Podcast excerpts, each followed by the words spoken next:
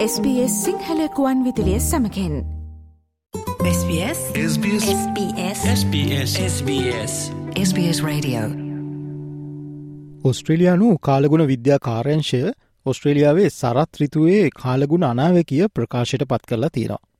මෙහිදී සාමාන්‍ය උෂ්ණත්වයට වඩා උණුසුම් කාලගුණයක් බලාපොරොත්තු වෙන බව වාර්තා වෙනවා. සාමාන්‍යයෙන් පවතින තත්ත්වයන්ට වඩා උණුසුම් දිවාකාලයන් මෙන්ම රාත්‍රිකාලයන් ගත කිරීමටද සිදුවිය හැකි බව කාලගුණ විද්‍යා කාරංශය අනාවැකි පල කරනවා. ඉතින් මේ සම්බන්ධ අලුත්ම තොරතුරු අද විශේෂාන්ගෙන් අපි ඔබ වෙත ගෙනෙනවා. ඕස්ට්‍රලියාවේ බොහෝ ප්‍රදේශවලින් සාමාන්‍යයෙන් ඉහළ උණුසුම් තත්ත්වයන් බලාපොරොත්තුවීම පුදුමයක් නොවන බව මෙල්බර්න් විශ්වවිද්‍යාලයේ දේශගුණ විද්‍යා ආචාර ඇන්ඩරු කිං පවසා සිටනවා.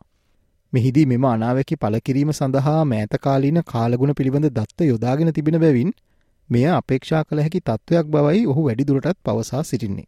අපි හරිතාගාරවායු විමෝචනය හරහා පෘතුවිය උණුසුම් කර තිබෙන නිසාත් ඔස්ට්‍රේලියාව පසුගේ කාලය පුරාවටම උණුසුම් මෙවින් පවතින නිසාත් ඉදිරියේදී සාමාන්‍ය තත්ත්වයන්ට වඩා උණුසුම් කාලගුණයක් අපේක්ෂා කළ යුතු බව ආචාර ඇන්ඩරුකින් පවසා සිටිනවා. මෙහිදී අසාමාන්‍ය තත්ත්වයන් ලෙස හඳුන්වන්නේ ඕස්ට්‍රේලියාවේ කුමන හෝ ප්‍රදේශයක වාර්තාාවී ඇති උෂ්ණත්වයන්ගේ ඉහළම සහ අවම සීයට දහයට අයත් වන උෂ්ණත්වයන් බව දේශගුණ විද්‍යාඥයෙක් සහ ඔස්ට්‍රේලයා නැශනල් යුනිවසිටිහි මහාචාර්ය ජැනට් ලින්සේ පැහැදිලි කරලා දෙනවා. මෑත කාලෙදී ඔස්ට්‍රලියාව ග්‍රීස්ම කාලයේ අත්දකින උෂ්ණත්වයන් මාර්තු හෝ අප්‍රේල් මාසවලද අත්දැක තිබෙන බව ඇය පවසනවා. මේට ප්‍රධාන හේතුව ලෙස ගෝලිය උෂ්ණත්වය ඉහළයාම හේතු වී තිබෙනවා.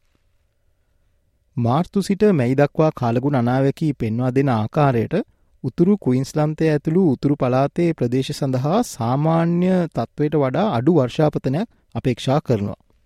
මෙසේ අඩු වර්ෂාපතනයක් අපේක්ෂා කරන කාලවකානුව සාමාන්‍යයෙන් අධික වැසි සහිත කාලයක් බව කාලගුණ විද්‍යා කාර්යංශයේ සීනිය හයිඩරලෝජිස් ලෙස කටයුතු කරන ආචාර්ය මස්සූඩ් එඩ්රාකී පවසනවා. කෙසේවුවත් අනිකුත් ප්‍රදේශවල සාමාන්‍ය තත්ත්වයට වඩා වෙනස් වර්ෂාපතනයක් අපේක්ෂා නොකරන බව ඇය පවසා සිටිය. කෙසේ වෙතත් අනිකුත් ප්‍රදේශවල සාමාන්‍ය තත්ත්වයට වඩා වෙනස් වර්ෂාපතනයක් අපේක්ෂා නොකරන බව මසුඩ් පවසා සිටිය. පසුගිය සැත්තැම්බර් මාසයේ ඔස්ට්‍රලියාව එල් නීනෝ අවස්ථාවක් ප්‍රකාශයට පත් කලා. එල්නීනු අවස්ථාවක් යනු සාමාන්‍ය අපේක්ෂිත තත්ත්වයට වඩා උණුසුම් කාලගුණ තත්ත්වයන් අපේක්ෂා කරන කාලවකවානුව.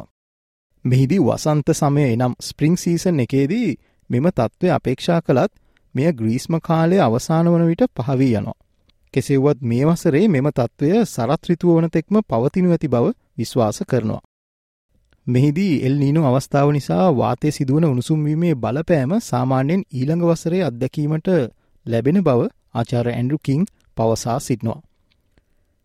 මේ නිසා දෙදස් විසිතුන වසරේ මැදභාගේදී ඇතිවුණ වාතය උණුසුම්වීම මේ වසරේදී තවමත් අත්විඳින බව ඔහු වැඩි දුරටත් පෙන්වා දෙනවා. ඉතින් මේ අවදානම් කාලගුණ තත්ත්වය නැතිවීමේ අවස්ථාවන් තියෙනවාද කියලා අපි දැන් ඔයලා බලමු. ඉදිරියේදී අපේක්ෂා කරන වියලි සහ උෂ්නාධික කාලගුණ තත්ත්වයන් සලකා බලන විට අවදානම් කාලගුණික තත්ත්වය නැතිවීමේ හැකියාව අඩු බව මහාචාර ලින්සේ පවසනවා. කෙසෙව්වත් කුණාටු තත්ත්වයන් ඇතිවහොත් පවතින උණුසුම් කාලගුණ නිසා එය ඉතා දරුණු තත්ත්වයකට හැරිය හැකි බව වැඩිදුරටත් ඇය පවසා සිටිය. මේ අතර ඇන්ඩරු කිං පවසන්නේ තාප තරංග එනම් හිටවව් සැත්වීමේ වැඩි ප්‍රවණතාවයක් තියෙන බවයි.